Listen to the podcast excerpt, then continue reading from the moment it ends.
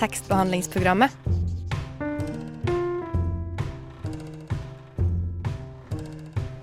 Tekstbehandling på radio.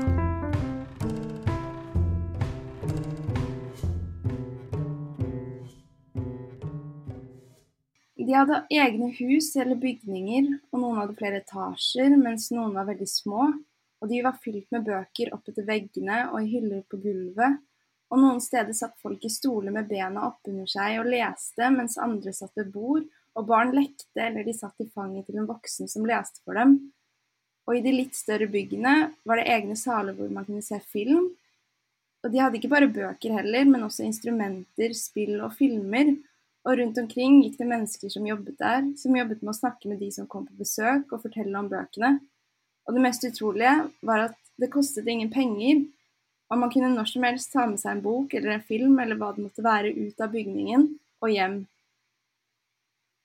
Forhåpentligvis er ikke dette en fortelling fra fremtiden, så la oss heller si et parallelt univers uten bibliotek.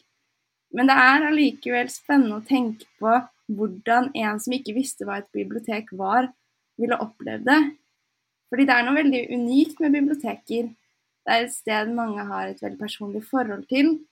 Enten som et sted for å lese og oppdage litteratur, eller et sted å møte andre. Eller begge deler. I dag så skal vi snakke om biblioteker i tekstbehandlingsprogrammet. Og i studio i dag så er det meg, Sara Lene Engesvik. Og meg, Alva Namdal Kjensli. Og meg, Katrine Osvold. Og vi har mye spennende å by på i dag. Blant annet eh, to intervjuer, ikke mindre. Vi ja, skal eh, få møte en ordentlig bibliotekar og en ordentlig arkitekt. Og prate om bibliotek med dem. Det har skjedd i fortid. Vi skal høre på det. Dere skal høre på det. Siri? Jeg er din assistent. Ja. Hører du på tekstbehandlingsprogrammet? Selvsagt. Gjør som Siri. Hør på tekstbehandlingsprogrammet.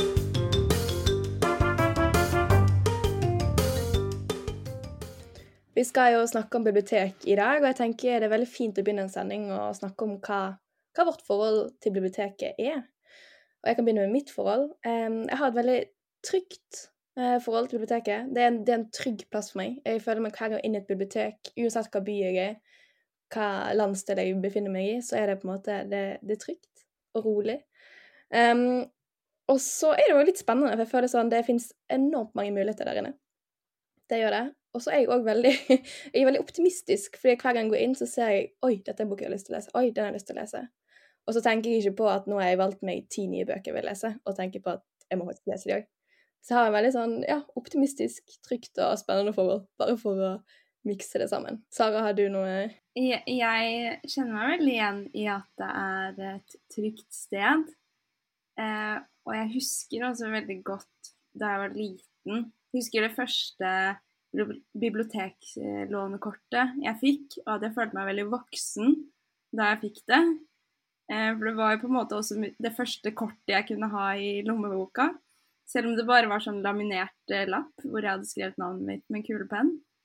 Eh, men også bare det, det, lokale biblioteket der jeg vokste opp, at det også var sånn et spennende sted å dra, fordi det var, som du sier, at man blir litt optimistisk da, når man går inn i et bibliotek og på en måte Oi, alle disse bøkene skal jeg lese. Eh, og sånn følte jeg også det var da jeg var liten, selv om det var selvfølgelig helt andre bøker. Eh, og spesielt godt husker jeg én bok som jeg lånte så sykt mange ganger. Og det var en bok om fødsler. Eh, en ordentlig bok om fødsler med masse eh, bilder. Det var liksom alt fra liksom, hvordan fosteret vokste inn i magen, og til eh, da fødselen, da. Med ordentlige bilder. Katrine, du skal jo faktisk bli, bli bibliotekar. Ja, jeg skal Ja, vi får se.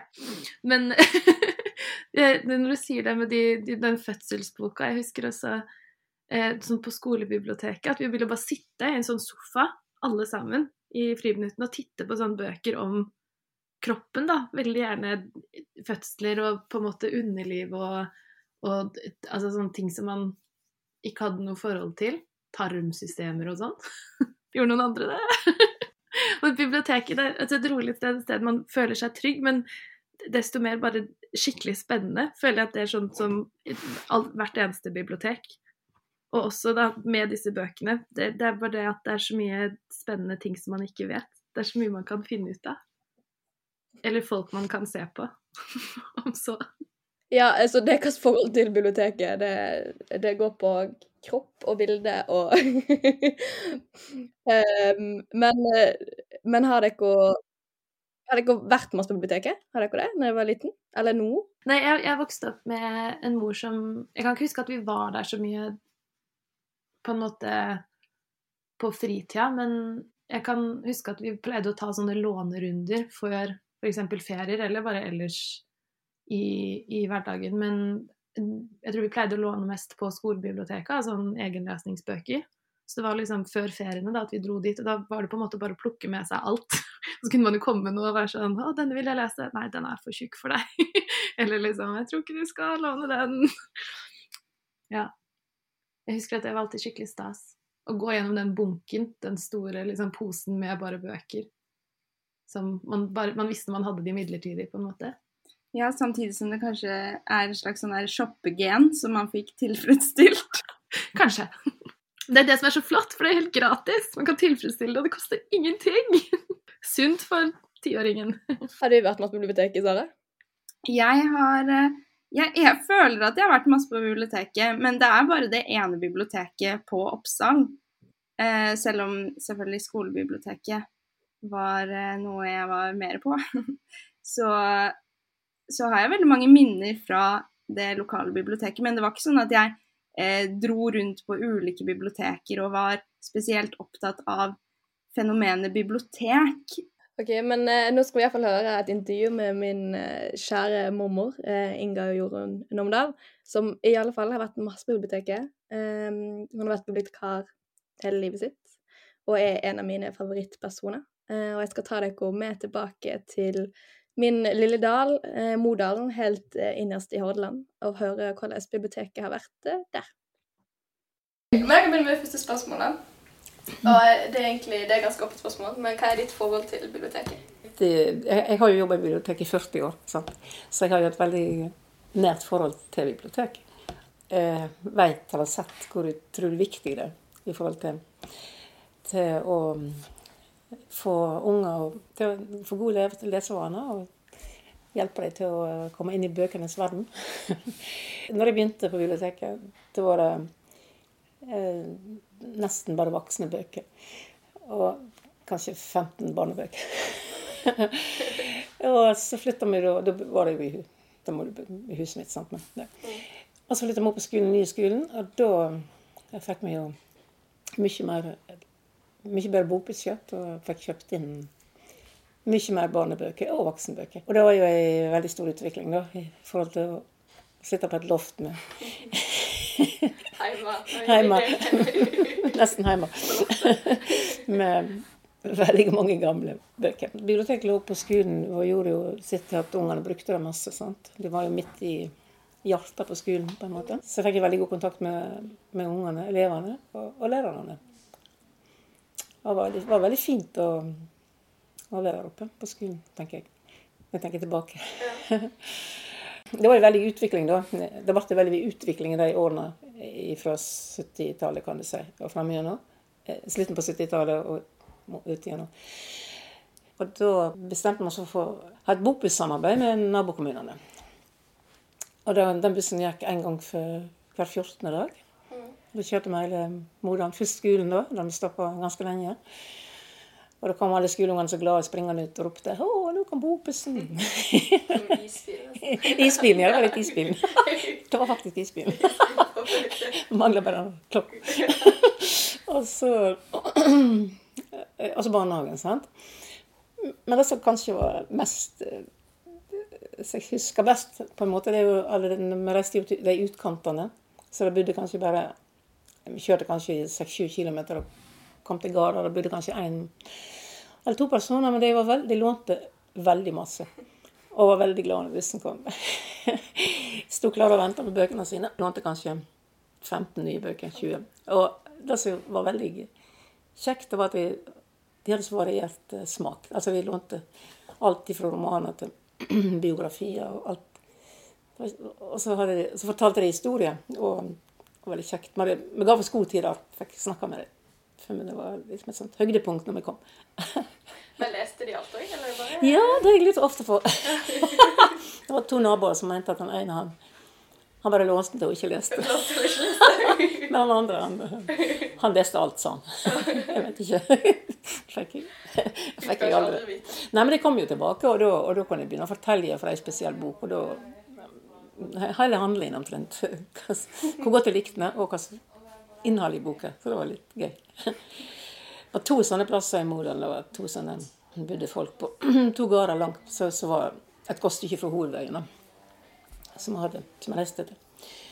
Og den bokbussen, han, han gikk vel i ganske mange år, da. Så ble det jo så ble han lagt ned. Dessverre. Men ble det lagt ned og så på biblioteket, eller var det biblioteket Nei da. Nei, men de andre samarbeidskommunene de trekte seg ut, og Modalen kunne ikke ha den alene. Det var økonomi da, var snakk om da- òg. Men ø, For du har vært på Bokbåten òg. Ja. Ja. Og jeg, jeg syns det var det var så gøy. Hva var det som var så gøy med det? Nei, jeg vet ikke. Det var et helt spesielt um, du, Når du kom opp på, båten, så var du jo der. Sant? Du, du hadde ikke noe kontakt med omverdenen i det hele tatt. Du, du gikk ikke på land, eller gikk jo turer, sant? men ikke, ikke på land. Og du var, bodde på båten, fikk maten på båten. og levde livet der i, i iallfall ei uke, i slengen cirka. Og så var det utrolig kjekt å komme fram til stoppestedene. Da sto jo ungene på rad rekke med og venta på båten. Og, det er jo ikke lenge siden engang. Nei, båten gikk jo helt til ni- 2019 eller noe sånt. Men eh, det var så ulikt på, på de ulike stoppestedene. Ungene var ulike altså de hadde forskjellig smak når det gjaldt bøker, og leste ulike ting. Og så visste vi at jeg ville ha kattebøker og kjærlighetsbøker. hestebøker, ikke minst. Alltid hestebøker. Spøkelsesbøker. Og så hadde vi vært med sånne kulturfolk som underholdt. Da. Og så spilte og sånn. så- Ja, forfatter eller sang, de sang, eller, og det var veldig gøy. Så det var alltid en sånn, nesten en time da, med program før låning. Som regel før vi lånte ut. Så lå båten der kanskje i to timer, og så gikk vi gjøre neste stopp. Men leverte tilbake bøkene Ja. neste De lånte mye med seg på land, og så hadde de Og de sto ofte inne på butikkene. Ungene lånte selvfølgelig. Men så lånte de òg en sånn stor Flere kasser som sto inne på butikkene, så folk kunne komme og låne. Når de hadde det et halvt år, så kom båten tilbake. Han gikk vinter og vår to ganger for. Og så var det veldig kjekke folk. da, kjekke folk om bord, og god mat alltid. Flinke kokker. Og så var det veldig kjekt, syns jeg, for jeg jobba jo alene på biblioteket. sant? Hadde ingen kollegaer i hele tatt. Og det var veldig kjekt å treffe folk med samme interessen samme faget. faget. Eh, og så var det med lese, selvfølgelig. Vi leste jo masse. Satt på dekk når sola skein. Og det er klart, det var jo tøft når det, det var skikkelig sjø. Men jeg, eh, jeg liker, likte meg på sjøen. Det en gang da, da var det skikkelig bølger, så alle måtte gå på lugarene og ligge i sengene. Og så lå jeg helt stille. Plutselig så ante jeg ingenting, så lå jeg på gulvet. og Da kom det bølger, så bare heiv meg ut på gulvet. Jeg syns det var fantastisk. så det var fint. Jeg lærte veldig masse, ikke minst. Og, og hadde det kjekt i lag med de folkene som jobba der. Og traff masse kjekke folk som kom om bord. Jeg, jeg syns det er sørgelig synd at Bokbåten ikke skal fortsette. Jeg syns det er veldig trist at ikke de, at de har lagt den ned, kan du si. For de som har vært med og opplevd hvor flott det er, ville vil jeg, kan ikke skjønne hvorfor. Men hva tror du det har gjort fordi folkene har fått bøker? Jeg, oh ja, det har, jeg tenker det har jo gitt Jeg tenker det har gitt mange fantastiske leseopplevelser. da, Og interesse, at jeg har fått mer interesse for bøker. Fremigjennom. Skolebibliotekene hadde jo ofte kanskje ikke så stort utvalg i bøker. Og her fikk de jo et mye mer å velge mellom. Så det, det er noe jeg jeg tenker på tilbake med glede.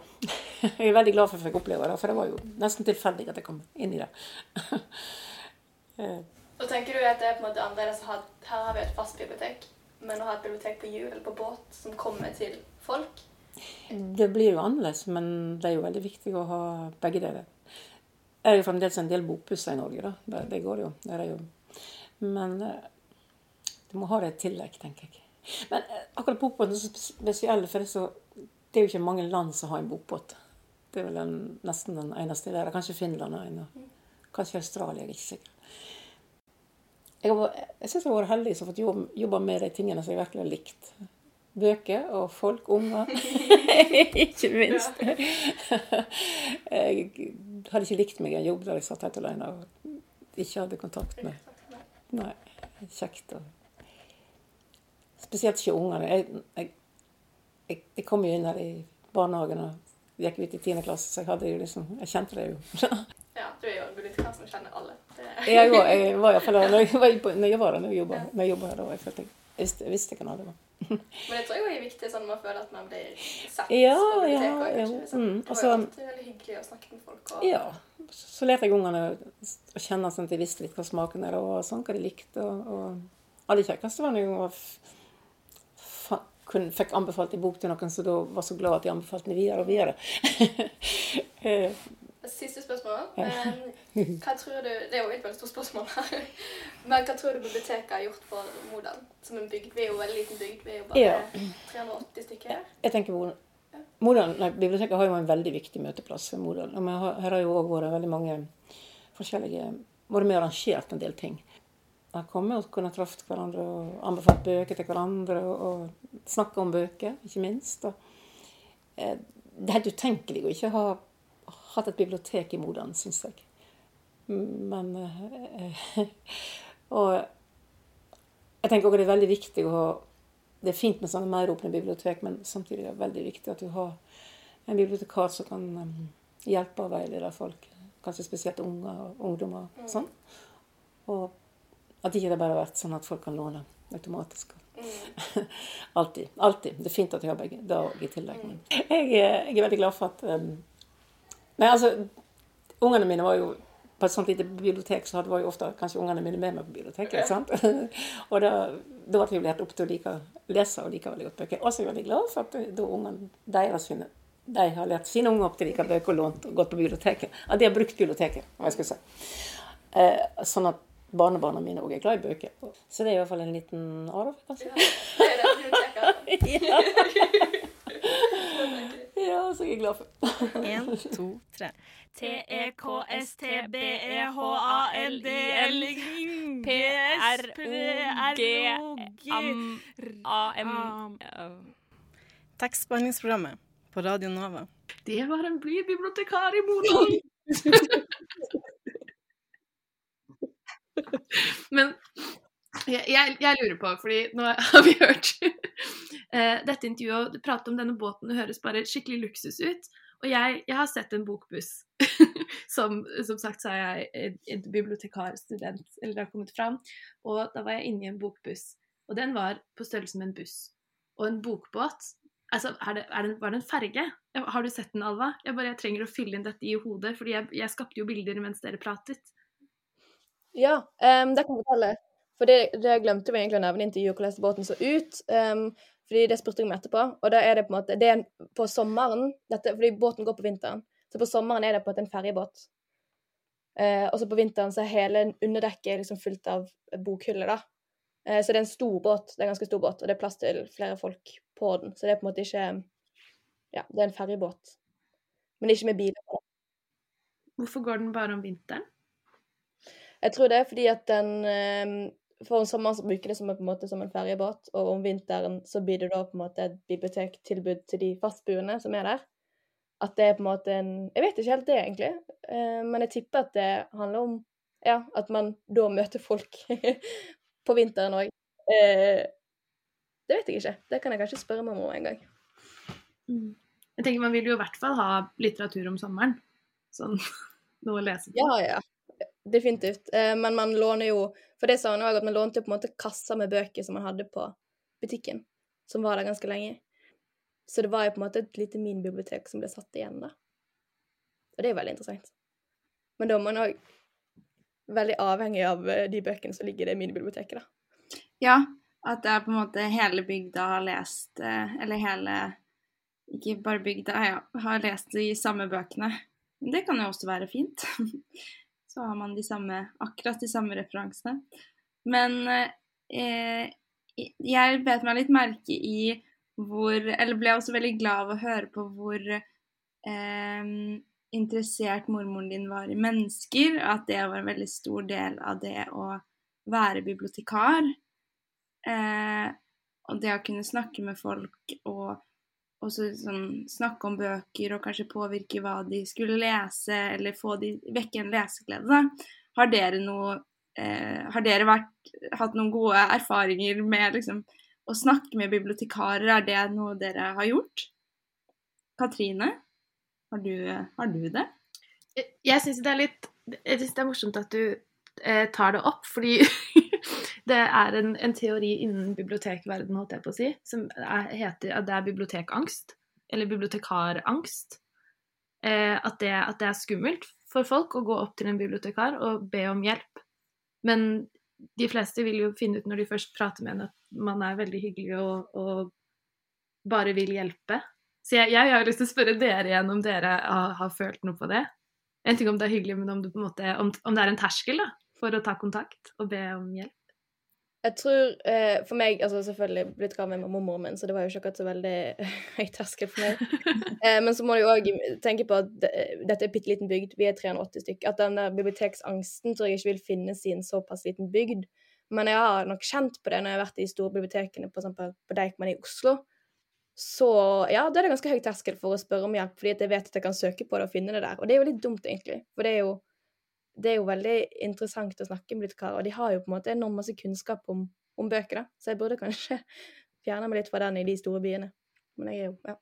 Ja, det samme tenker jeg. Eh, at jeg, Det var det jeg tenkte når jeg hørte, eller da jeg hørte intervjuet også. Sånn åh, jeg må søren meg snakke mer med bibliotekarer og spørre om hjelp. Men det er jo litt sånn uansett hvilken butikk man er i, eh, eller altså om man er i butikker, ikke at biblioteket er en butikk, så kvier jeg meg også for å spørre om hjelp, fordi jeg har en idé om at jeg vet bedre selv også. Og det er ikke sant. Men eh, som, som, møteplass, da, har ikke bare at man skal snakke med bibliotekarene, men, men også andre. Har det vært en greie for dere? At eh, biblioteket har vært et sted å møte andre? For meg har det definitivt vært det. Jeg husker hver sånn Jeg vet ikke hver onsdag eller torsdag. Så vi gikk iallfall på skolen, gikk vi ned på biblioteket og lånte masse bøker. Og på ettermiddagen gikk vi tilbake igjen og lånte flere bøker. Um, og det har på en måte alltid vært sånn Nå skal vi gå og låne bøker. Og det har alltid vært en en måte opplevelse uh, som jeg bare har gjort med venner, men òg ja, med familien min, selvfølgelig. Og så er det jo som sagt altså sånn Det er jo en plass for masse I hvert fall nå nylig mange arrangementer. Um, som bare ikke handler om bøker. Og det gir jo plass for andre som kanskje ikke er så interessert i å lese bøker. Du, du, får svare på det etterpå, Katrine, fordi nå skal vi gå litt videre. Eh, og fordi Har dere noen gang tenkt på hvordan det er å faktisk tegne et bibliotek? Hva man må tenke på når, hvis man er arkitektene bak et bibliotek? Eh, jeg har snakket med Einar Hagem, som er arkitekt i Lund Hagem Arkitekter. Eh, og sammen med Atelier Oslo har de eh, tegnet eh, det nye hovedbiblioteket i Oslo, Deichman Bjørvika. Så jeg tenkte vi skulle høre på det nå. Dere har tegnet eh, hovedbiblioteket, Deichman Bjørvika, eh, som skal fylle ekstremt mange funksjoner. Det skal være en møteplass og et sted for kunnskapsformidling, arrangementer, men først og fremst kanskje for bøker og lesing, da. Eh, så hvor, hvor eh, starter man når man skal tegne et eh, bibliotek som Deichman Bjørvika, eller hva var viktig for dere når dere gikk i gang med det? Mm. Nei, det er et godt spørsmål. Vi, når vi startet, så var det jo en konkurranse. En internasjonal konkurranse som da Lund Hagem, som jeg representerer, og Atle Oslo, vi var to arkitektkontorer som bestemte oss for å prøve dette sammen. Og så var vi jo så heldige til slutt å vinne denne konkurransen. Eh, og da hadde vi ikke så mye informasjon om hva egentlig Deichman ønsket seg. Det var jo et program som alle måtte forholde seg til. men når vi vant, så ble jo veldig mye av innholdet og definisjonen av hvordan det skulle plasseres og sånn, gjort i samarbeid med biblioteket. Så vi måtte, før, For å vinne konkurransen så måtte vi måtte prøve å bare leve oss inn i hva, hva er et bibliotek for oss. Hva er alle de bibliotekene vi har vært i? Hvordan har det vært å gå i biblioteket fra barndommen og, og frem, til, frem, til, voksen? Og ja, å tenke seg hvordan kan et bibliotek bli noe mye mer enn det, som, enn det tradisjonelle gamle biblioteket da, med, med, med mye bokhyller. Eh, her, her, var man jo helt klart ute etter noe annet. At det skulle være liksom et sosialt hus, et sted som En slags stue da, for Oslo. Eh, som, som, alle har tilgang til. Og, og det fantastiske med biblioteksideen er jo nettopp det at den er gratis og åpen for absolutt alle. Det er et sted som alle skal føle seg velkommen, og du, du trenger på en måte ikke noen unnskyldning for å gå inn der. Eh, du, du, du, vet at at du har lov å gå inn, og det er gratis. Og du kan være der alene sammen med andre, som på en måte ble et sånn viktig uttrykk som vi skjønte bibliotekarene var veldig opptatt av etter hvert. Da, at dette der å føle at du kan være en del av en, en menneskegruppe, en del av, av, folk i byen din, men likevel du kan være alene uten at noen spør deg om hvorfor det, liksom. Eh, så, det, så Derfor så ble det viktig for oss å prøve å tenke ut hvordan kunne man finne lage ulike steder da, som gjør at, at, man både fikk en slags oversikt over de andre som var der, og, og, samtidig følte at du hadde et, et godt sted å være selv. Så, og det tenkte vi at det, det, er jo på en måte ikke ett sted, det måtte liksom være mange steder. Det måtte være veldig mye forskjellige steder som, som gjør at alle kunne finne sitt sted. Var liksom en, en sånn tanke vi hadde. Uh, ja, så det var mange sånne tanker som dukket opp i hodet. Og så var det, visste jo, så måtte vi vurdere selvfølgelig eh, hele tomten. altså Tomten har begrenset størrelse. Hvordan skulle vi få plass til alle disse kvadratmeterne og sånn på tomten? Og hvordan skulle vi liksom få forbindelsen mellom etasjene, da, som ble veldig viktig for, eh, for hvordan vi løste oppgaven. Ja, så når du sier at det skulle være et sted man både kunne være alene og sammen, Um, har du noen eksempler på hvordan Nå er det jo mange som har vært der allerede og kjent uh, på det, men har du noen eksempler på hvordan dere løste det? Altså en, en, en, ting som ble veldig viktig, var jo dette at vi, vi skjønte at vi måtte bygge et, et, vertikalt bibliotek, altså i mange etasjer, for å få plass til kvadratmeterne.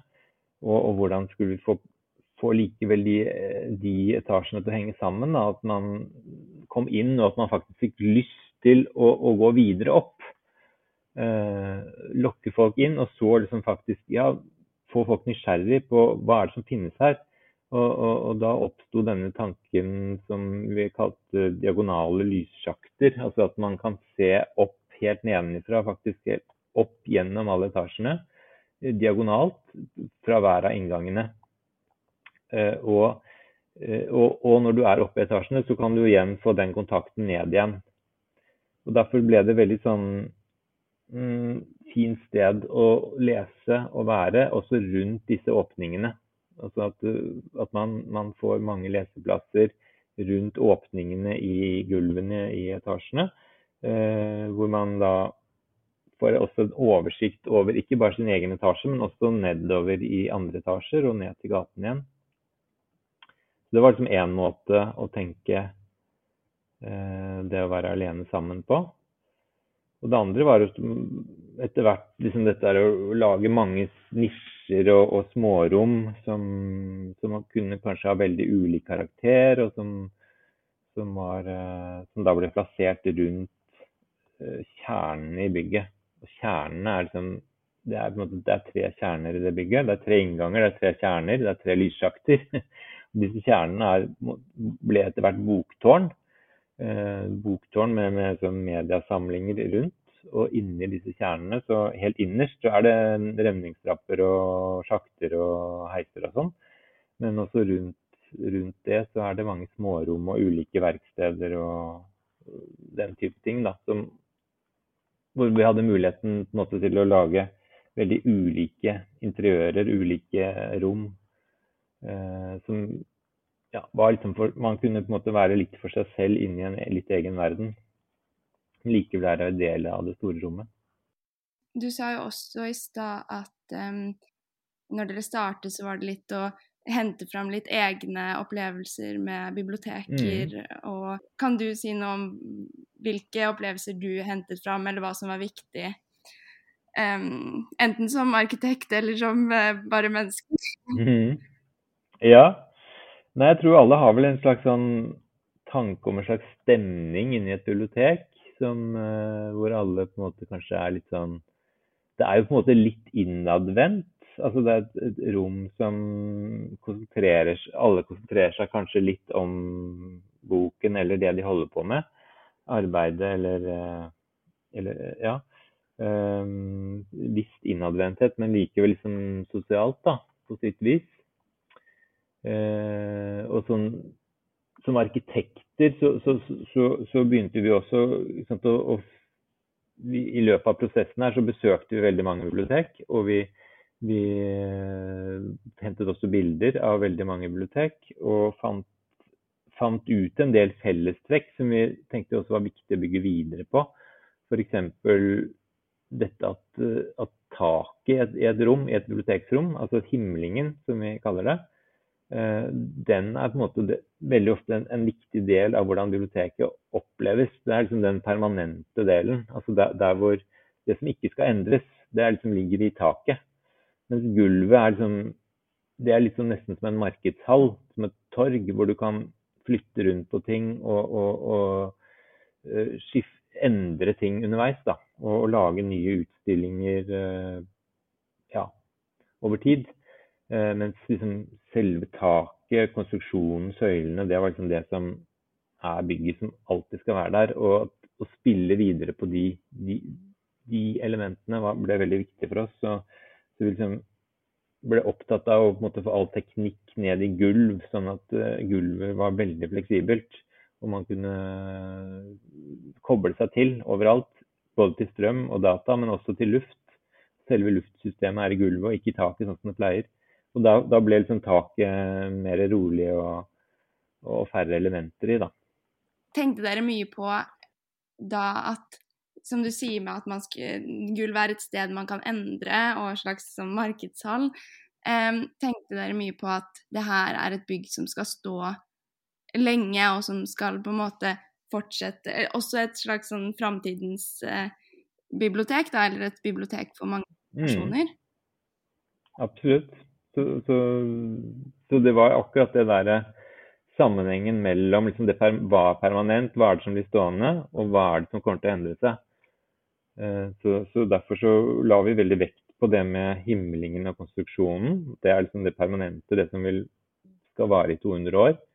Og så kan ting Gulvet Gulvbelegget kan selvfølgelig skiftes, hyllene kan flyttes, alle rommene, alle liksom interiørene kan endres.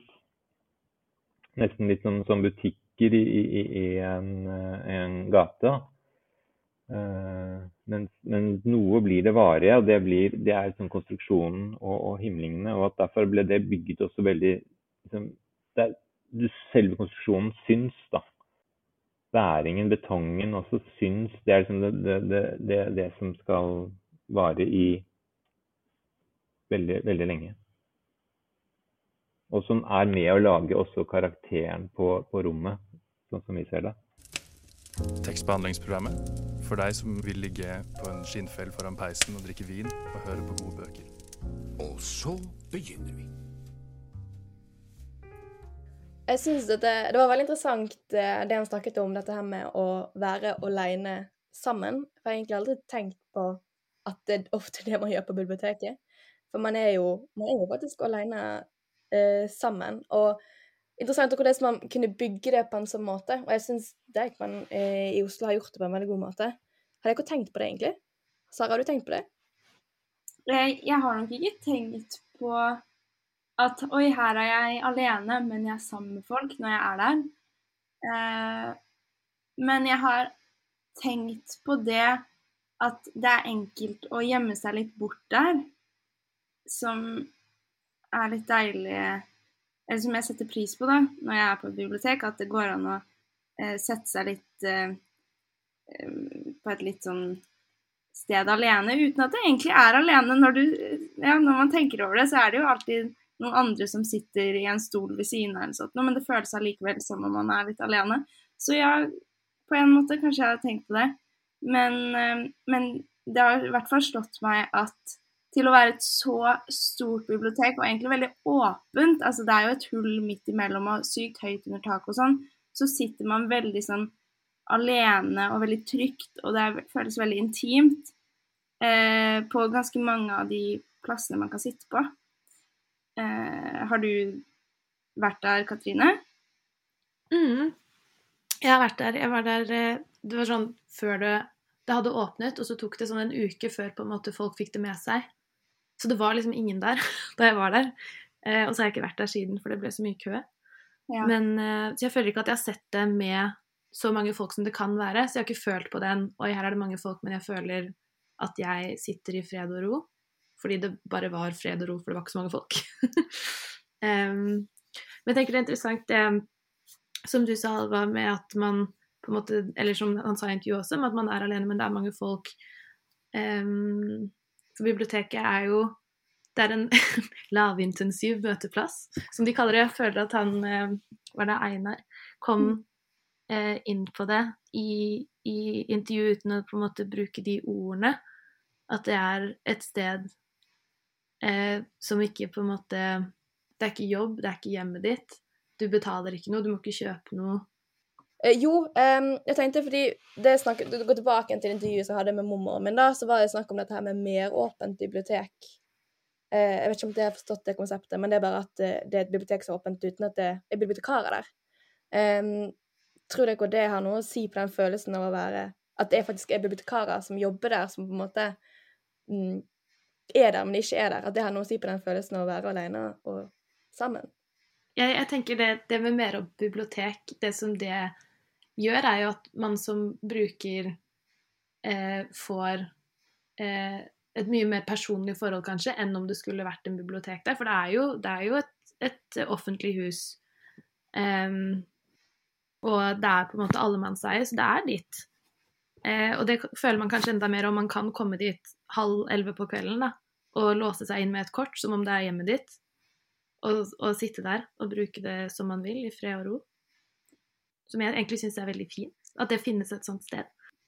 Enig. Eller jeg følte meg på en måte litt truffet av det uh, mormoren din sa, fordi jeg føler at uh, det er på en måte Jeg vil jo også bruke bibliotekarene mer.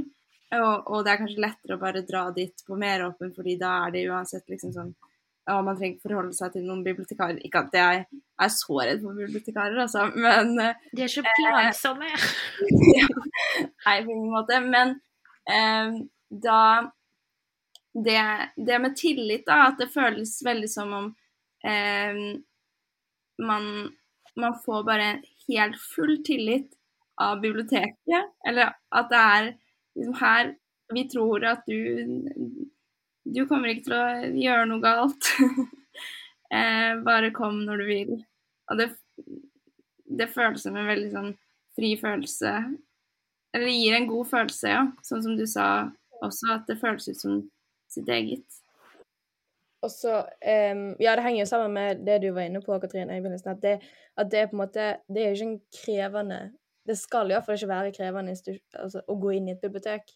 Og det med mer åpent gjør jo kanskje muligheten for at det er mindre krevende Ja, gjør det mindre krevende, da, rett og slett. Um, men jeg syns også, som sagt, at man må Det må en balanse der. Altså, det kan ikke være um, Det kan ikke bare være et rom uten uten noen personer som preger det, tenker jeg. For det er jo litt dumt òg. Mm. Det blir jo, altså Meråpent blir jo, blir jo det brukerne gjør det til. Jeg vet om, jeg har hørt fortellinger om, om biblioteket hvor på en måte etter Meråpent så er det sånn eh, lokale strikkeforeninger som ikke har kunnet finne seg et lokal å leie, så bare drar de på biblioteket på Mer- Meråpent og okkuperer hele biblioteket eh, hver tirsdag klokka seks f.eks. Men det, det har de jo råd til, fordi det er, det er meråpent. Men også det som er med, med meråpent, er jo at det er jo et sted for folk som kanskje bor veldig trangt, å sitte. og, og, og være sosial eller å, eller å gjøre lekser og, og, komme seg bort. Og det hadde det jo ikke vært mer åpent, så ville man ikke eh, hatt det tilbudet, da. Hallo, mitt navn er Knut Nærum, og du hører på tekstbehandlingsprogrammet. Jeg går i hvert fall ut fra at du gjør det. Nå har vi jo snakket en del om eh, minner ved, vi har med bibliotek, og vi har snakket om eh, ja, Deichman Bjørka som åpnet i fjor, altså litt i nåtid. Men eh, hva, hvordan vil biblioteket se ut i framtiden? Har dere håpet har dere håp for biblioteket, eller tror dere det kommer til å forsvinne? Har du tenkt noe på det, Katrine? Eh, ja, det er, jo, det er, jo, noe man kan eh, tenke på, holdt jeg på å si. For det er jo færre og færre som leser, får man i hvert fall inntrykk av. Folk spiller videospill og ser på film og TikTok og sånt.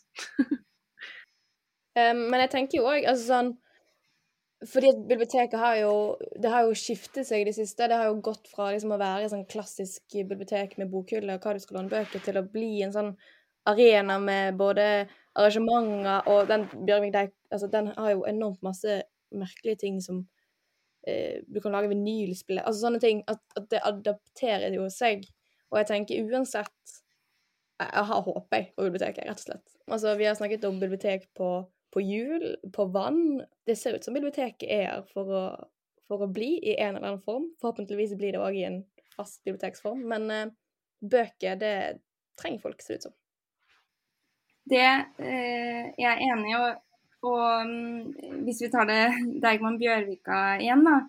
At der har de jo på en måte klart Det er jo utrolig mange andre ting man kan gjøre der. Det er podkaststudio, det er kinosal, det er masse forskjellig. Men at folk fortsatt setter pris på at det først og fremst er et bibliotek, da. At eh, det ikke er et eh, kulturhus, men det er bøkene er i sentrum. Og ikke at jeg har på en måte gått har hatt en undersøkelse på dette, men, men uh, det er fortsatt bøkene som er i, i sentrum. Og, og, jeg føler at det, det viser kanskje at det folk setter fortsatt pris på at det finnes et eget sted viet til bøkene. Selv om det går an å gjøre andre ting der også. Ja, mm. det er jeg veldig enig med. Jeg synes det også, sånn som De bibliotekene blir bygd, så er det jo på en måte bøkene som er i sentrum. Og det tror jeg er veldig viktig. Og at man fortsetter med i framtiden. At man ikke overkjører bøkene sin plass i biblioteket. Mm. Um, nå går um, denne episoden mot slutten. Uh, så det får bli vår, vårt håp og tro på biblioteket for å bli siste ord. Eh, men før vi avslutter helt, så kan kanskje du, Katrine, si hvor man kan høre på denne episoden eller andre episoder av tekstbehandlingsprogrammet? Denne episoden og andre episoder av tekstbehandlingsprogrammet kan du høre igjen og igjen og igjen. Eh, der hvor du hører på andre ting. Som Spotify eller Soundcloud og sånn. Der finner du oss. Yes. Da er det bare å si takk for i dag, og vi høres igjen snart.